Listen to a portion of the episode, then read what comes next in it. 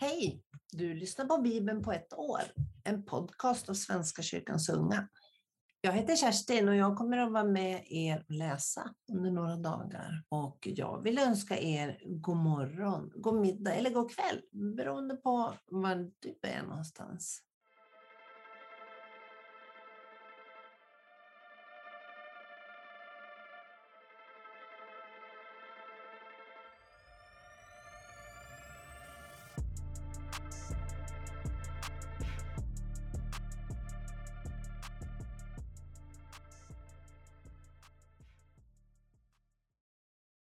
Var med i dagens läsning. I Jesu namn. Amen. Nu kör vi.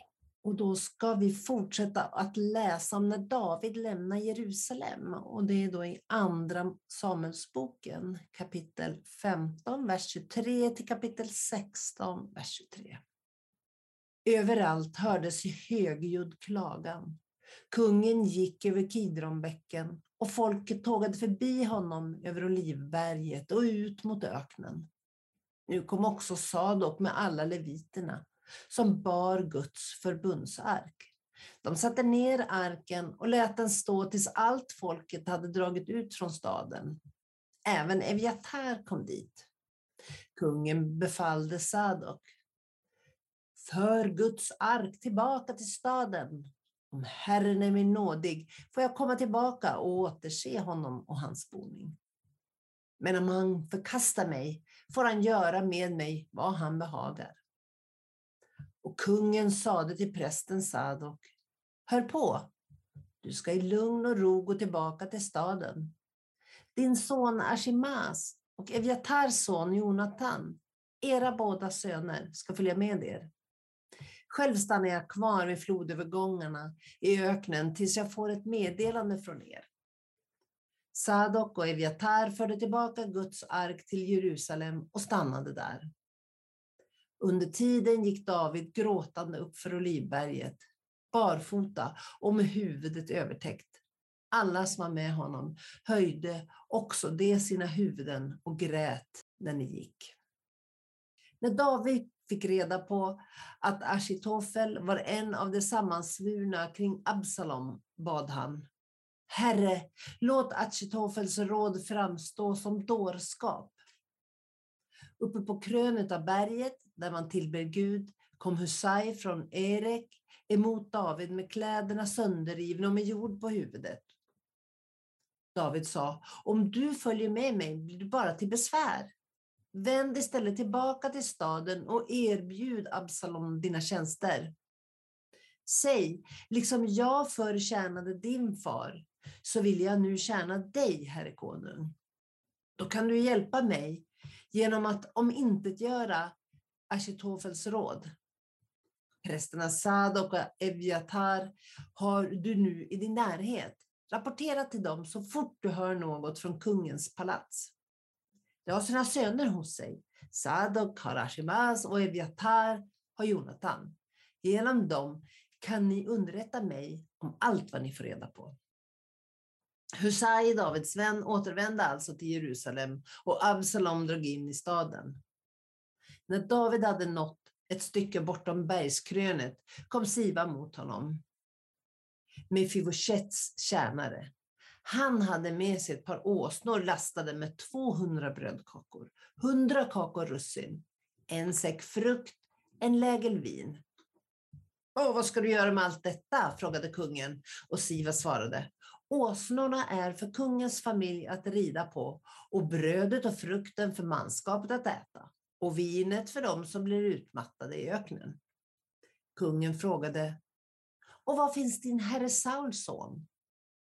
Han är kvar i Jerusalem, svarade Siva. Han tänkte att israeliterna nu skulle ge honom tillbaka hans fars kungadöme. Då sade kungen till Siva. Allt som tillhör Mefivoshets ska nu vara ditt. Siva sa, jag bugar mig underdånigt. Låt mig alltid få röna din välvilja, herre konung. När kung David hade nått Bashurim kom det fram en man av Sauls släkt, Shimi, Geras son. Han for ut i förbannelser. och kastade sten på David och hans närmaste män, fast David på alla håll var omgiven av både manskapet och sin livvakt. Och Shimi skymfade David och ropade, är det jag, din blodfläckade nidning? Nu tar Herren hem för allt blod av Sauls ett som du spillde när du gjorde dig till kung i hans ställe. Herren har gett kungaväldet åt din son Absalom. Det är dina blodsdåd som har störtat dig i olycka. Då sa Avishai, Serushas son, till kungen. Ska den där hunden få stå här och förbanna dig, herre? Jag går bort och hugger huvudet av honom. Men kungen svarade, vad har ni Serushas söner med det här att göra? Låt honom förbanna. Han gör det på Herrens befallning. Vem kan då klandra honom? Och David sa till Avishai och sina män. Om min son, mitt eget kött och blod, står mig efter livet, vad kan man då inte vänta av en från Benjamins stam?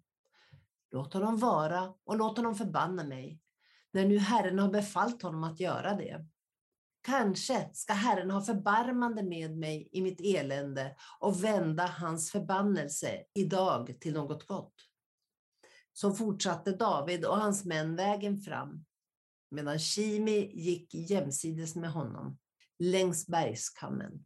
Hela tiden skrek han förbannelser och kastade stenar jord mot honom.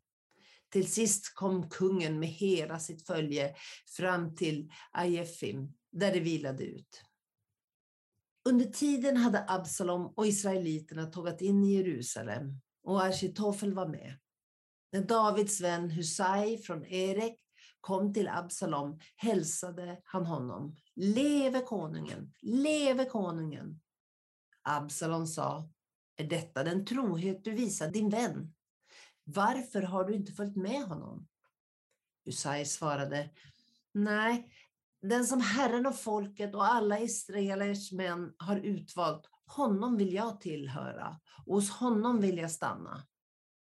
Och dessutom, vem skulle jag tjäna om inte sonen? Som jag har tjänat din far, så vill jag nu också tjäna dig. När Absalom frågade Ashitofel till råd om vad han skulle göra fick han detta svar.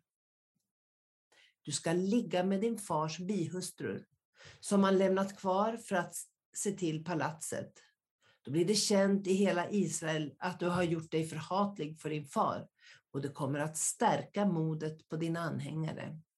Då slog man upp ett tält åt Absalom på taket och i hela Israels åsyn gick han in där och låg med sin fars bihustru. På den tiden gällde ett råd av Ashitofel lika mycket som ett ord från Gud. Så högt värderades alla hans råd, både av David och av Absalom. Ja, och ändå har vi fått höra tidigare att man inte får ligga med sin fars bihustrur. Mm, det här blir spännande att höra hur det fortsätter. Nu läser vi vidare Johannes 18 kapitlet 25 versen till 19 kapitlet 22 versen. Men Simon Petrus stod där och värmde sig. Det sade till honom, Hör inte du också till hans lärjungar? Petrus förnekade det. Nej, det gör jag inte. Då sade en av överprästens tjänare, en släkting till honom som Petrus hade huggit örat av. Såg jag inte dig tillsammans med honom i trädgården? Petrus förnekade det än en gång. Och just då gol en tupp. Från Kajafas förde de Jesus till residenset. Det var tidigt på morgonen. Själva stannade de utanför för att inte bli orena utan kunna äta påskmåltiden. Pilatus gick då ut till dem och frågade vad anklagar ni den här mannen för?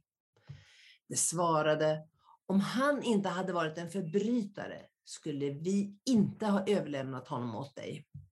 Pilatus sade Ta honom då själva och döm honom efter er egen lag. Men judarna svarade, nej men vi har inte rätt att döda någon. Ty det ord skulle uppfyllas som Jesus hade sagt för att ange hur han skulle dö. Pilatus gick tillbaka in i residenset och lät kalla till sig Jesus och frågade, så du är judarnas konung? Jesus svarade, säger du detta av dig själv eller har andra sagt det om mig? Pilatus svarade, men jag är ju ingen jude. Dina landsmän och översteprästerna har överlämnat dig åt mig. Vad har du gjort? Jesus svarade, mitt rike hör inte till denna världen. Om mitt rike hörde till denna världen hade mina följeslagare kämpat för att jag inte skulle bli utlämnad åt judarna. Men nu är mitt rike av annat slag.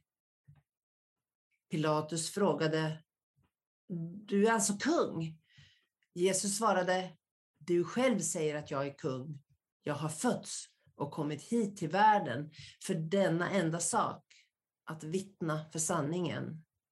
Den som hör till sanningen lyssnar till min röst. Pilatus sa till honom, var det sanning? Sedan gick han ut igen till judarna och sa, mm, jag kan inte finna honom skyldig till något. Men det är sed att jag friger någon åt er vid påsken.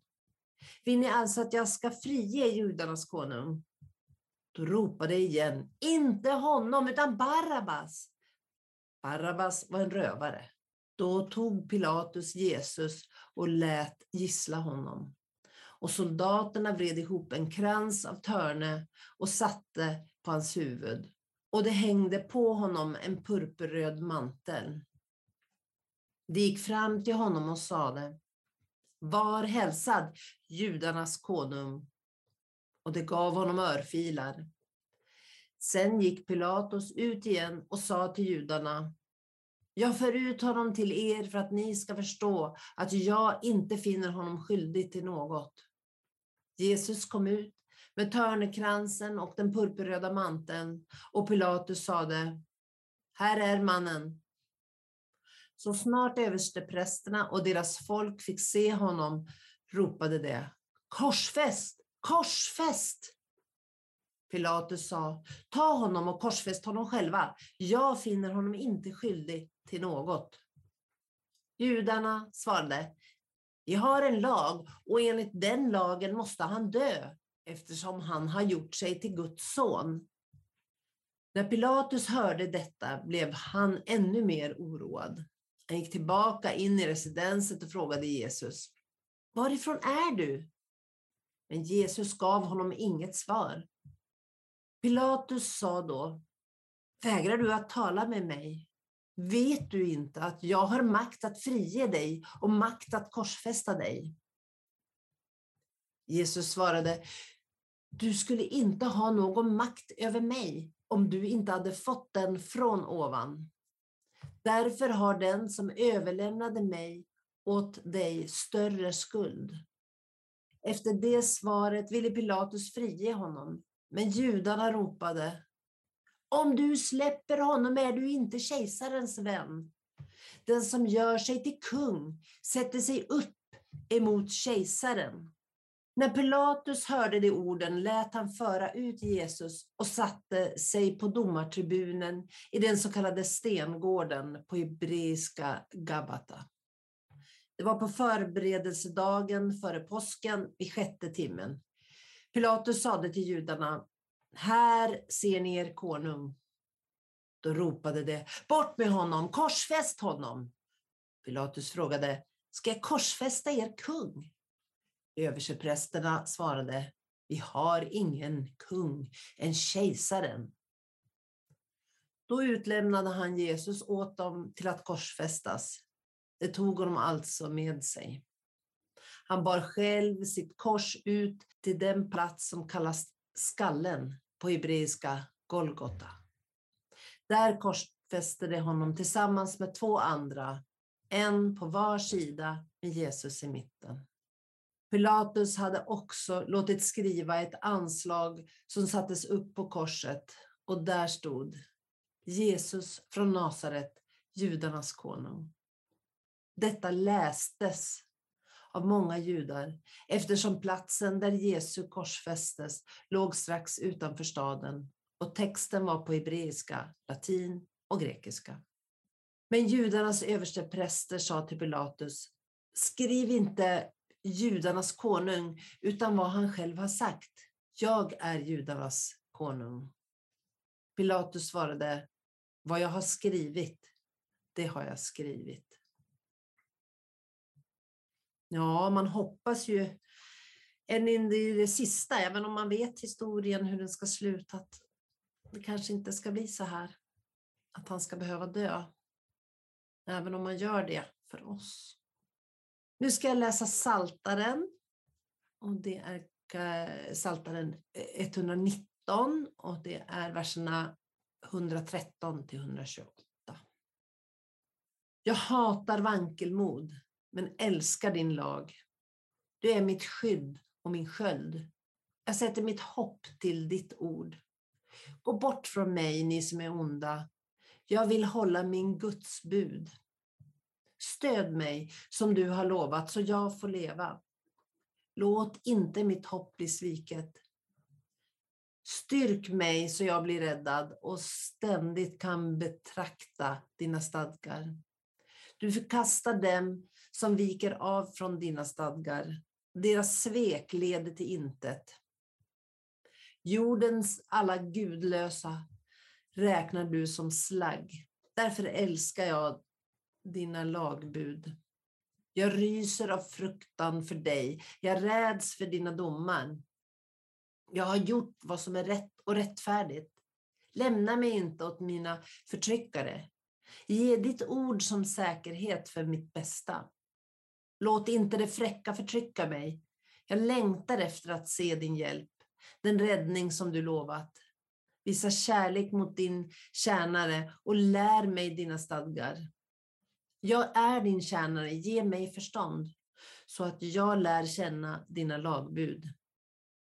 Tiden är inne för Herren att handla. Man har brutit din lag. Därför älskar jag dina bud, mer än guld, ja, renaste guld. Därför rättar jag mig efter dina befallningar. Jag hatar lögnens alla vägar. Och eh, som vanligt så kommer jag avsluta med Ordspråksboken och det är kapitel 16, verserna 10 till 11. Kungens ord är Guds ord. Han felar inte då han dömer. Riktig våg är Herrens sak. Alla vikter är hans verk. Då vill jag tacka för idag, att ni har varit med och lyssnat på Bibeln på ett år. En podcast av Svenska kyrkans unga. Jag kommer tillbaka imorgon igen. Ska jag berätta lite grann vem jag är bakom rösten. Ha det gott så hörs vi imorgon. Hej då!